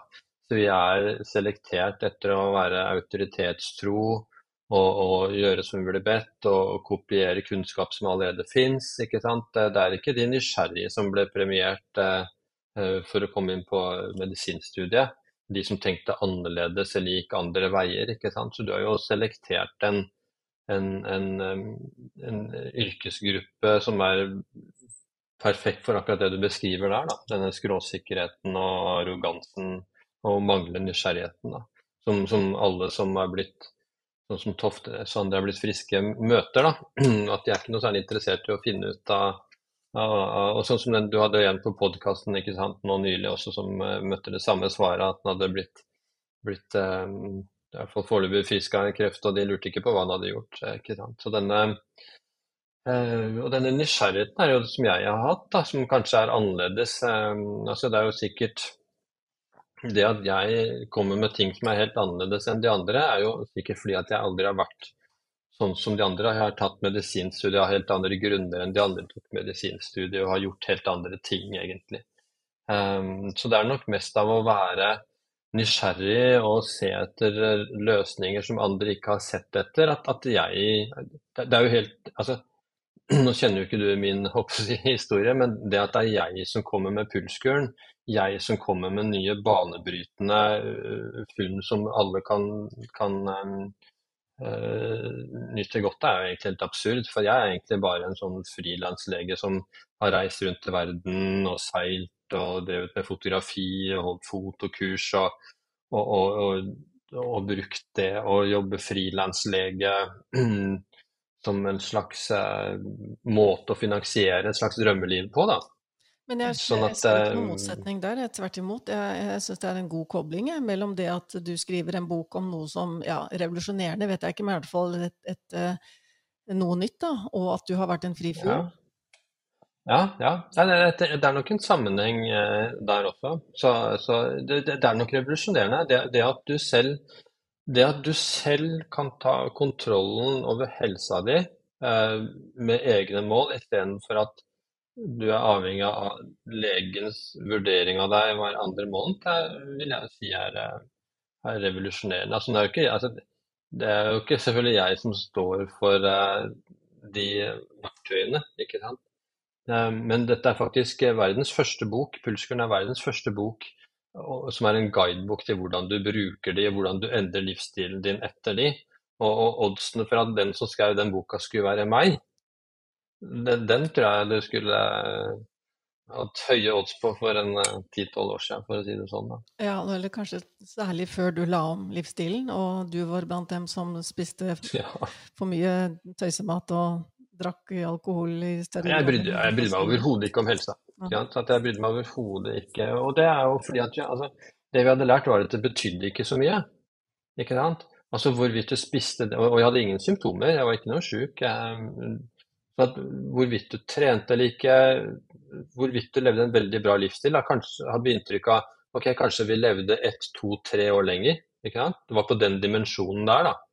Og det er klart at da, at jeg, da tenkte jeg ja, da bryr jeg meg overhodet ikke om det. For jeg vil rundt og reise rundt i verden og fotografere og oppleve ting og gå i fjell og dykke og, og, og seile og gjøre morsomme ting. Sånn at eh, de, de to-tre årene jeg kan spare på å lære meg å lage mat og trene og, og, bry, bry, hodet mitt i det hele tatt eh, mot, eh, mot eh, helse, de kunne jeg bare kutte ut, ikke sant. For at eh, de brukte jeg heller på å oppleve livet, da. Så, og jeg er også opptatt av at det å ha god helse er jo ikke et mål i seg sjøl. Eh, det er bare noe som gjør at du klarer å leve livet ditt maksimalt. Og, og, leve så godt som du kan, så lenge som mulig. Og så er helse på en måte et middel for å få til det. sånn at jeg vil jo heller aldri bruke all min tid på å få så best mulig helse, og så glemme å leve livet mitt. på en måte. Eh, det er jo det som er det aller viktigste for meg. Eh, men når jeg da så etter hvert da, det som nettopp den amerikanske studien som sier at det er 24 år forskjell, ikke sant på, på, det der. Når jeg da innså det, at det er så mye å tjene på det. Vi, vi, snakker 15-20 år, og ikke to. Da, da, var det whole different ball game, da. Uh, så da Men jeg, jeg, er ikke noe ekstrem. Jeg, jeg, jeg, prøver å gjøre litt av de smarte tingene. Uh, og idet jeg tenker at det er nok, så stopper jeg. Og med all respekt, eh, Torkel, det høres ut som du også til dels er påvirket av eh, det der, eh, noe av det mest irriterende jeg hører for tiden, og som jeg syns jeg har hørt altfor mye, særlig de siste årene. Det er den derre Det finnes jo ikke studie på det, da. Så det, altså bare det at vi mennesker ble forledet til å tro at det som det ikke finnes studie på, det er ikke sant. Altså det er jo egentlig mm. sprøtt å tenke på. At vi kan gå rundt, og så kan vi mene at eh, nei, men så lenge ikke det er studie på annet enn at du kan få to ekstra ord, da, så kan jeg fortsette å leve i det der dårlige sporet. Altså, det er jo helt sånn ko-ko. Det er kanskje et mm. eksempel på at når du henger deg for mye opp i at alt skal være ikke sant, dobbeltblindede, randomiserte, mm. kontrollerte studier, gjerne meta-oppsummeringer osv. Sånn, ja, men i all verden hva du mister underveis. Og som sagt, ikke minst med covid-tid, da, når våre myndigheter Jeg kan huske, ikke huske én gang at de sa fra sine podier gjennom de utallige pressekonferansene at dere, nå er det ekstra viktig å passe på immunforsvaret. Det er ekstra viktig med nok D-vitamin, med nok sol, mm. med den gode søvnen, med å ta vare på deg selv, ta vare på hverandre. Og da kunne de vel kanskje svart, om jeg påpekte dette, ja, men det fins jo ikke studier på det. Da. Altså, jeg, jeg mener at det der med å henvise til studier. Eh, selvfølgelig er gode studier et gode, men det er blitt en hersketeknikk. Det er blitt noe du skal mm. banke den andre i hodet med. Og jeg syns det er ille. Og så, det, så kommer den derre eh, Det der er anekdotisk. Mm, ja. Nei, det er, det, det er, eh, helt håpløst, og vi kan jo snakke litt om det, ja.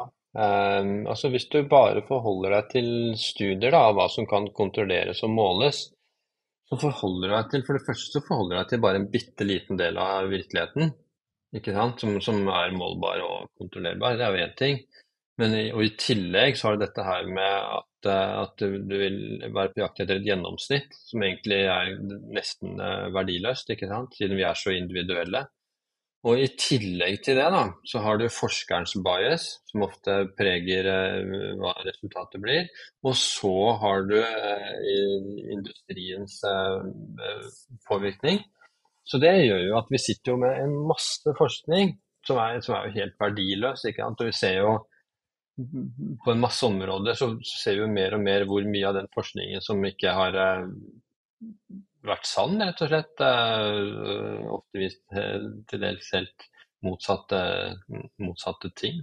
Um, sånn at um, det å bare forholde seg til hva som kan måles altså, hva er det som er sagt? Altså, det, det, som teller, kan ikke måles, og det som kan måles, teller ikke. ikke sant? Um, så må vi ikke glemme alle de gode studiene som ikke ble publisert, fordi de hadde ikke mm. det ønskede resultatet. Mm, ja, og som ofte kommer fram, fram uh, nå, da, ikke sant. Det som er fordelen da med, med, med pulskuren og heart rate variability, dette er at det er et her og nå. Én ting er at uh, en god pulsvariasjon har sammenheng med ni av de ti dødeligste sykdommene, uh, med tall fra USA, som da selvfølgelig er omtrent det samme i Norge også. Men det er også mye å si på her og nå. Hvilken viljestyrke har du? De kan til og med måle hvilken alkoholiker kommer til å falle for eh, fristelsen. Jo, den som har dårligst pulsvariasjon. Så det, det, sier noe om dine tilgjengelige krefter akkurat nå. Og, og, og, og, det er jo det som, som gjør at, eh, at, det er et såpass viktig instrument. Da. Eh, både på produktivitet og velvære i øyeblikket, men det, det, som gir deg produktivitet og velvære i øyeblikket, er det nøyaktig det samme som gir deg et eh, lengre og, friskere liv. Da. Wow, så det du eh. sier her, Torkil, det er altså at dette på en måte er selvforsterkende. Dess mer du klarer å leve i tråd med eh, denne gode hjerterytmen da, som det, disse instrumentene kan vise, mm. dess mer sannsynlig er det at du skal kunne fortsette det gode sporet, fordi god hjerterytme også styrker rett og slett vilja. Mm. Det høres jo helt utrolig ja. ut. Ja, og det er jo, det er jo sånn at kan Si at du har Si at du har spist et sent karbohydratrikt måltid, da, som har gitt deg dårligere søvn, sånn at du står opp med et underskudd. Så vil du ha en større kortisolutskillelse, du vil ha lettere for å ty til et nytt karbohydratrikt eh, snack, ikke sant? Da må, inn, da må vi bare skyte inn at Hva kalte du hormonet? Kolesterol? Kortisol. Kortisol, Kortisol. Det er altså et stresshormon, ikke sant? Stresshormonet. Kortisol, ja. Sånn at du, så du blir liggende bakpå hele veien, da. Og prøve å, å, å ty til en slags snarvei for å skaffe deg energi, tror du, da, men det er egentlig bare en sånn dopaminkick. da.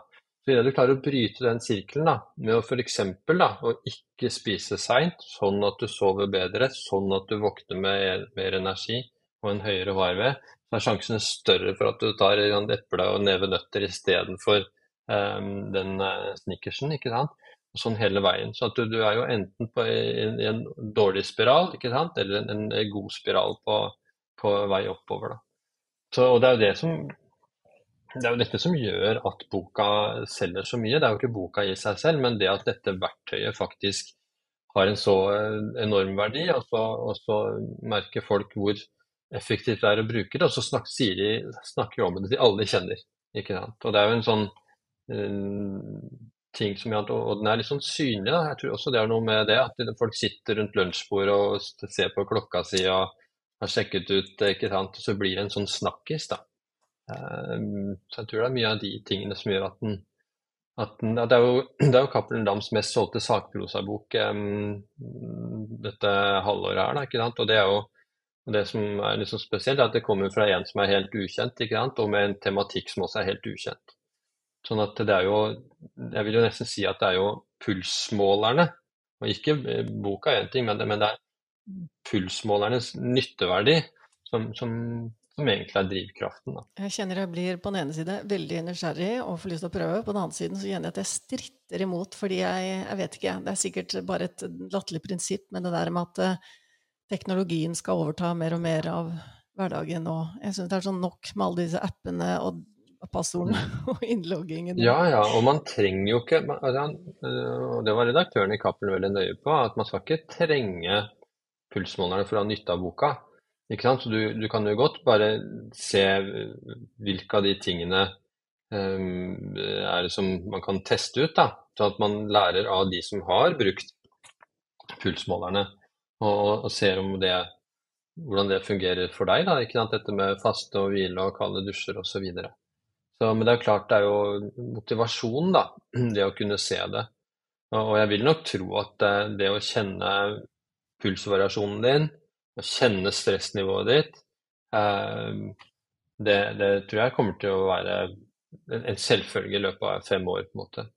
Det, for, for, de som vil, da. ikke sant? Men det er jo klart, altså, hvis man er helt fornøyd, ikke sant? Så, så, så er det ikke noe grunn til å å endre på noe. Ja, på Men som sagt, jeg, har ennå til gode å ha hørt om noen som liksom ikke har fått seg en overraskelse. Altså. Ja, kan man jo bare innføre den, eh, den ene tingen, da, så kan man jo kaste klokka selv. Du vet, illusjoner er sterke. Jeg ville garantert fått overraskelser. Men er det noen gjenganger mm. i hvilke overraskelser eh, folk får? Ja, det er det. Det er, det er gjerne styrken i alkohol, på en måte. Eller altså, altså hvor, hvor mye større den effekten er enn det de har trodd. Eller håpet, kanskje. Eh, og så er det med kosthold det å identifisere visse typer mat som du reagerer på og tåler dårligere enn en andre, og visse tider på døgnet. Da. Det er jo de store, vil jeg si.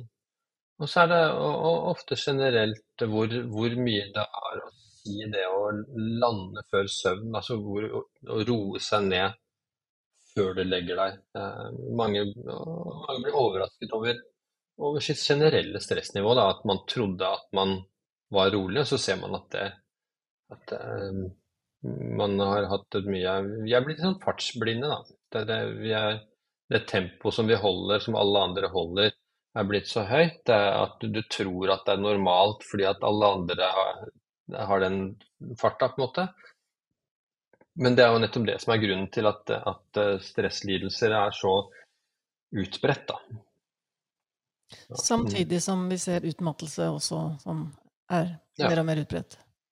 Ja. Men ja. Uh, utmattelse er kanskje en slags stresslidelse, det òg? Eller i hvert fall resultatet av stress? Ja. ja, du ville nok ikke kommet deg inn i en utmattelsestilstand uten at klokkene hadde slått alarm lenge, lenge før. Og jeg hørte senest en podkast i går med Gemma King, som er psykolog og spesialist på stress, som sier at grensa går sånn omtrent da, på åtte uker. Så med åtte ukers kontinuerlig høyt stress, så, så begynner på en måte en, en, del funksjoner å svikte, altså innen immunforsvar osv. Og, da, og da sier du altså at uh, dette er et stress som ikke nødvendigvis merker uten å måle det? Ja, du har blitt vant til det. Du har blitt vant til å holde høy fart. Du tror at det er sånn det skal være. Så, så um, Før vi mm. gir oss, eh, Torkil, så har lyst til å spørre deg tilbake til legen, da. Jeg er opptatt av legen. Mm. mm. Helse-Norge går neppe framover uten at legen er med og har den kunnskapen og den åpenheten som vedkommende trenger. Eh, men mitt inntrykk, og ikke minst gjennom de siste år da, med epidemi, så er mitt inntrykk at det er stadig flere direktiver og stadig flere ordrer fra overnasjonale organer som står i veien for den frie, åpne relasjonen eh, som skal være mellom eh, lege og pasient. Mm. Um, det, er, ja, det, det, det, kjenner jeg ikke så mye til, rett og slett. For jeg, altså sånn som jeg jobber, da, så er jeg som sagt frilanser. Sånn at jeg tar oppdrag f.eks. nå skal jeg snart til Vega en uke. Vakre Vega ute på Helgelandskysten. Og så har jeg, er jeg fastlegevikar på dagen, og så har jeg døgnvakt. Jeg jobber gjerne en uke i strekk. Nå har jeg akkurat vært i Hasvik i, i Finnmark, to uker i strekk. Og, og der stiller jeg egentlig fritt, jeg, som sånn fastlege. At jeg Det kan godt hende at det er noen direktiver og sånt, men jeg kjenner egentlig ikke så mye til det. Jeg, jeg, jeg som fastlegevikar, jeg, jeg starter ikke noe, noe behandlingsløp eller eh, jeg endrer ikke noe. Men det er jo et fantastisk utkikkspunkt til hvordan ting foregår, da, hva som gjør folk syke. For at du følger opp folk over tid. Du har ansvar for all akutthjelp i den kommunen som noen kommuner, ikke sant. Som, som i Sykkylven har jo hatt som 12 000 innbyggere. Det er ganske travelt. Du, du, du, får se det fra dag til dag. Eh, og følger alt fra barn og gravid og gamle og livstruende tilstander med helikopter osv. Og, så videre, og til helt banale ting. sånn at jeg bruker jo den jobben mye som en sånn å innhente informasjon, observere og se. Eh, og så prøver jeg på en måte å, å, å formidle en, en, smartere måte å gjøre det på via bøkene, da. Eh, fordi at jeg opplever ikke at jeg har den muligheten egentlig på legekontoret. Eh, hvis jeg skulle begynne å snakke om, om om, om Garmin-klokker og, og, så videre, så, så kunne jeg fort havna i trøbbel, tror jeg, på et uh, legekontor. da. Men gjennom din, gjennom din, ganske lange karriere som allmennlege og legevaktslege, vil du si at sykdomsbildet sånn, i befolkningen at det har endret seg merkbart? Veldig, ja. Absolutt veldig. Hvordan? Sånn at den type, den type utmattelsessymptomer, type angst, represjoner, var ikke noe jeg egentlig jobba med for 25 år siden. Det var ikke vanlig, det. Det var ikke vanlig for en ungdom å være så redd, å være så bekymra øh, og stressa. Jeg kan nesten ikke huske at det, var, at det kom noen med det, nesten. Den, denne flommen av overvekt øh, var ikke der. Altså nå, hvis jeg har legevakt et sted og kanskje 20 pasienter, så er, hvor mange av dem er det som er i metabolsk balanse? Ja, Det er ikke mange. Det er kanskje de som har skåret seg på saga og sånt nå, da. Men, men, eh, men, av de som kommer for andre ting enn på en måte kutt og ikke sant, en brekke bein og sånne ting, eh, så har du en, en, en gruppe eh, som, som, ikke er i metabolsk balanse. og det det var det mye færre av før. ikke sant? Antallet folk som har stillesittende jobber og sånt nå er jo noe helt annet nå enn bare for 25 år siden. Så jeg har jo jeg har sett en hel generasjon. Da. Jeg har fulgt eh, 25, sant? en generasjon vokse opp da. Det, og ser at det er jo helt annerledes eh, forhold da. Hvordan nå. Det er helt andre sykdommer som preger, preger, eh, preger hverdagene. Hvordan forklarer du det? Eh, det er jo, det er jo mange faktorer, da. Eh, så det er egentlig en sånn, eh, jeg sånn flyhavarikommisjonen. ikke sant? Er, det, det, skjer ikke uten at det er en, en følgefeil, en rekke med komplekse feil da, på mange ulike områder. Så, så, det går jo alt på dette her med, med, med søvn. At, eh, og Særlig så ser det ut til å ha skjedd noe etter at iPhonen kom. Vi ser jo et sånt knekkpunkt, sånn hockeystick-punkt rundt 2007. Eh, når iPhone og etter hvert eh, iPad kom, og, og, og, sosiale medier, at det ble så stort. da. Tar så mye av, har fylt opp Jeg er jo sånn selv, så at det, det jeg har fylt opp alle mellomrommene, f.eks. Alle pausene er borte. Eh, sånn at, eh, og, og dietten er bare mer og mer ultraprosessert. ikke sant? Flere og flere måltider. Eh, ungdommen er mer og mer stillesittende fra barn. ikke sant? Jeg ser jo på legekontoret mer og mer både overvektige og, og på en måte klønete barn. altså Du ser at de, de sitter fra morgen til kveld. Du ser at jeg, hadde, jeg liksom ser for meg at hvis de hadde gått ut i ulendt terreng, så velter de. altså De ville ikke, nesten ikke klart å, å, å, å, balansere opp og ned en fjellside, på en måte.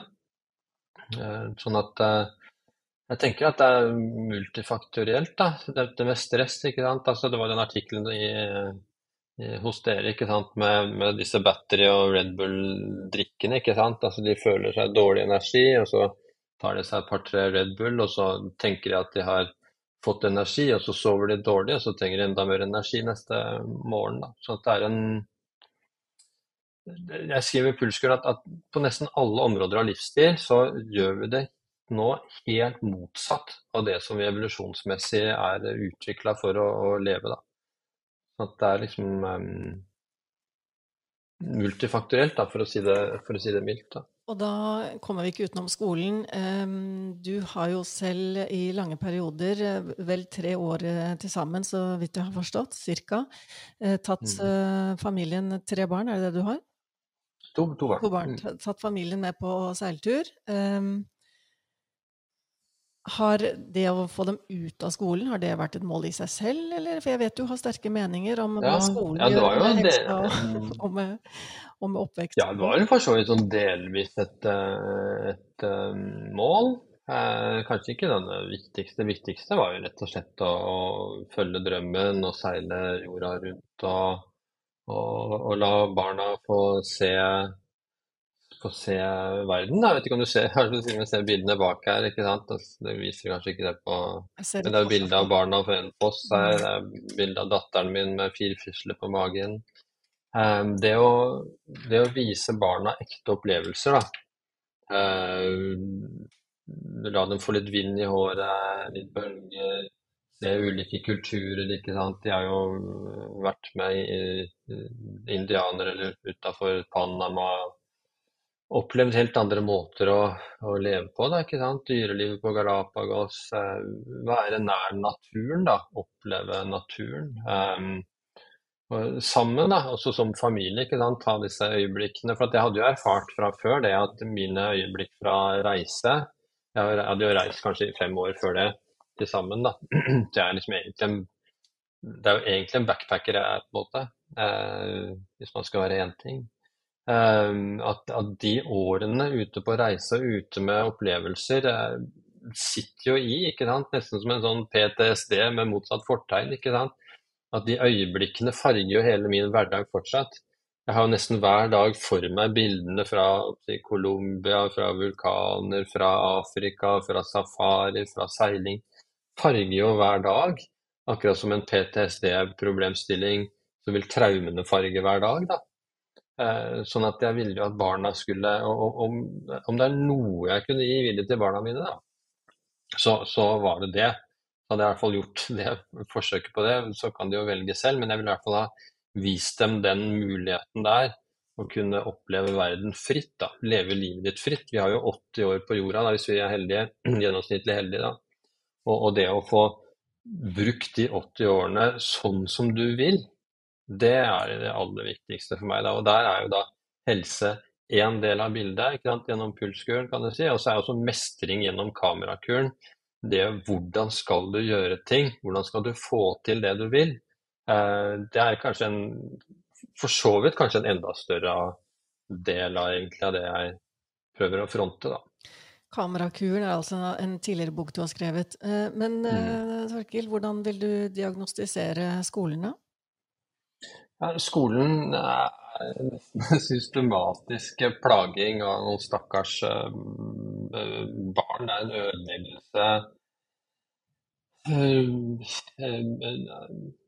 nysgjerrighet eh, blir kneblet mot livslyst, kjennskap til hva de selv vil, egne interesser. ikke sant? Alt det blir stilt bak. Det er helt andre agendaer. Blitt måte, opplært til at det er andres agendaer som, som er viktigst her. Eh, hva du vil ha ut av livet ditt, det, det, får du bare vente med. Nå skal du først lære deg en masse ting som vi syns er viktig. Uh, og, det som du syns er viktig, får du ta på fritida, på en måte. Sånn at uh, Og, jeg, altså jeg, jeg har jobba som lærer. Altså det, jeg Eh, den første jobben min som 18-åring, rett ut av videregående, var å jobbe som lærer. For at begge mine foreldre var lærere. For jeg var jo lærervikar gjennom hele studiet. Eh, og jobba så mye jeg kunne som lærervikar. Jeg var så lite jeg kunne på skolebenken. Akkurat så lite som nødvendig, liksom. Sånn at jeg jo Jobba masse i, skoleverket, da. Gjennom årene. Og ser jo som lege resultatene av skolen, hvor jeg vil si, jeg vil anslå at kanskje en tredjedel av elevene blir direkte skadet av skolen. Er, er skoleskadde. Eh, og, og, kommer seg nesten ikke. Og, og hvor rotårsaken til mye av de problemene de strever med i, i resten av livet, ligger i eh, skoleopplevelsen, altså totalopplevelsen på, på skolen. Da. Og da tenker du først og eh. fremst på dette med å skulle passe inn, eller passe inn i et snev? Ja, det skulle passe inn. Ofte er det jo mobbing og sånne ting også, men, eh, men at du um, at du, om, du, om, du, er dårlig til å lære på de premissene som skolen setter, da, så blir du liksom ansett som, som dum og udugelig, og, og, du er ikke riktig, på en måte. da. Der hvor jeg skulle ønske at uh, jeg, jeg, skjønner at man skal lære en del ting felles. For det jeg ville tenkt var ideelt, var kanskje å si at du halverte det som du kan tenke på som allmennkunnskapen, da, eller to tredjedeler, eller hva som helst og så satte du inn kanskje en tredjedel på hva, hva har du å bringe til bordet? Med kreativitet og med hva har du lyst til? Har du lyst til å snekre eller fiske eller uh, hva som helst? ikke sant? Uh, kan vi bygge videre på det? Det syns jeg det burde vært rom for i skolen. ikke sant? Etter hvert som på en måte øh, maskiner og kunstig intelligens kan ta seg av mye annet, så det med kreativitet, det å øh, det å finne din vei i livet, da, det syns jeg det skulle vært mye mer fokus på. Og, og, og, og, nå burde vi egentlig først og fremst satse på at de klarte å få helse. ikke sant? At det burde være én times obligatorisk eh, lystbetont bevegelsesutfoldelse hver dag. Og, og, kunnskap om hvordan de kan få helse. For de, de, de, det ser jo for meg da, ut som om helsa til barn og unge virkelig begynner å bli, bli dårlig. Og vi ser jo ikke Det tar jo kanskje 20-30 år før en dårlig livsstil virkelig viser seg sykdom, da. Så dette er det stupet i, i, i kronisk inflammasjonshelse som kanskje er 15 eh, år gammelt, før vi virkelig ser resultatet av det. Det, det ligger jo enda 15-20 år fram i tid. da. Og det, det, det, ser stygt ut for meg, da, syns jeg. Eller det, det, jeg ser, eh, så kommer ikke det til å bli pent. Og, og, og, helsevesenet sånn som det fungerer i dag, med bare fokus på reparasjon, er, er sjanseløse. Torkil, Torkil for helseminister?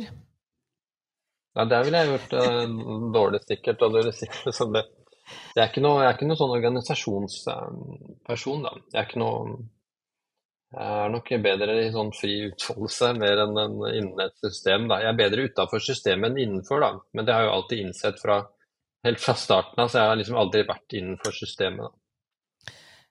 Helt til slutt, eh, Torkil. Et spørsmål om helse. Og da får du bare lov å nevne én ting. Og det er altså det enkeltgrepet som du har aller mest tro på, som du gjør for helsa. Hva er det for noe? Da må du ikke svare sånn litt av alt, for det er ikke lov. Nei. Det er nok søvn. Passe på at du sover godt. At, at du, hvis du i de åtte timene rundt, Det er litt diskusjon rundt det tallet. Hvis du i de sju og en halv til åtte timene har restituerende søvn, og du har gjort det som skal til for å få det til, og det er mange av de andre grepene ikke sant, som skal til for det, da er du ganske home free. altså. Tusen takk for at du var med i Himalipodden, eh, Torkel. Og eh, til lytterne så vil jeg bare opplyse om at eh, en rekke lenker til ulike litteratur og ulike fagpersoner som du har nevnt gjennom podkasten, det blir altså å finne i tilknytning til, til denne podkasten. Så tusen takk. Da får vi gå ut i den store verden og jeg vet ikke, plukke blåbær eller bade litt eller ja, oppleve at livet er noe annet enn å sitte på rumpa ved et skrivebord, eller hva? Mm, absolutt. Takk det må vi gjøre. Ha. Ok. Takk for at vi kom med. Tusen takk. Takk skal du ha. Ha det.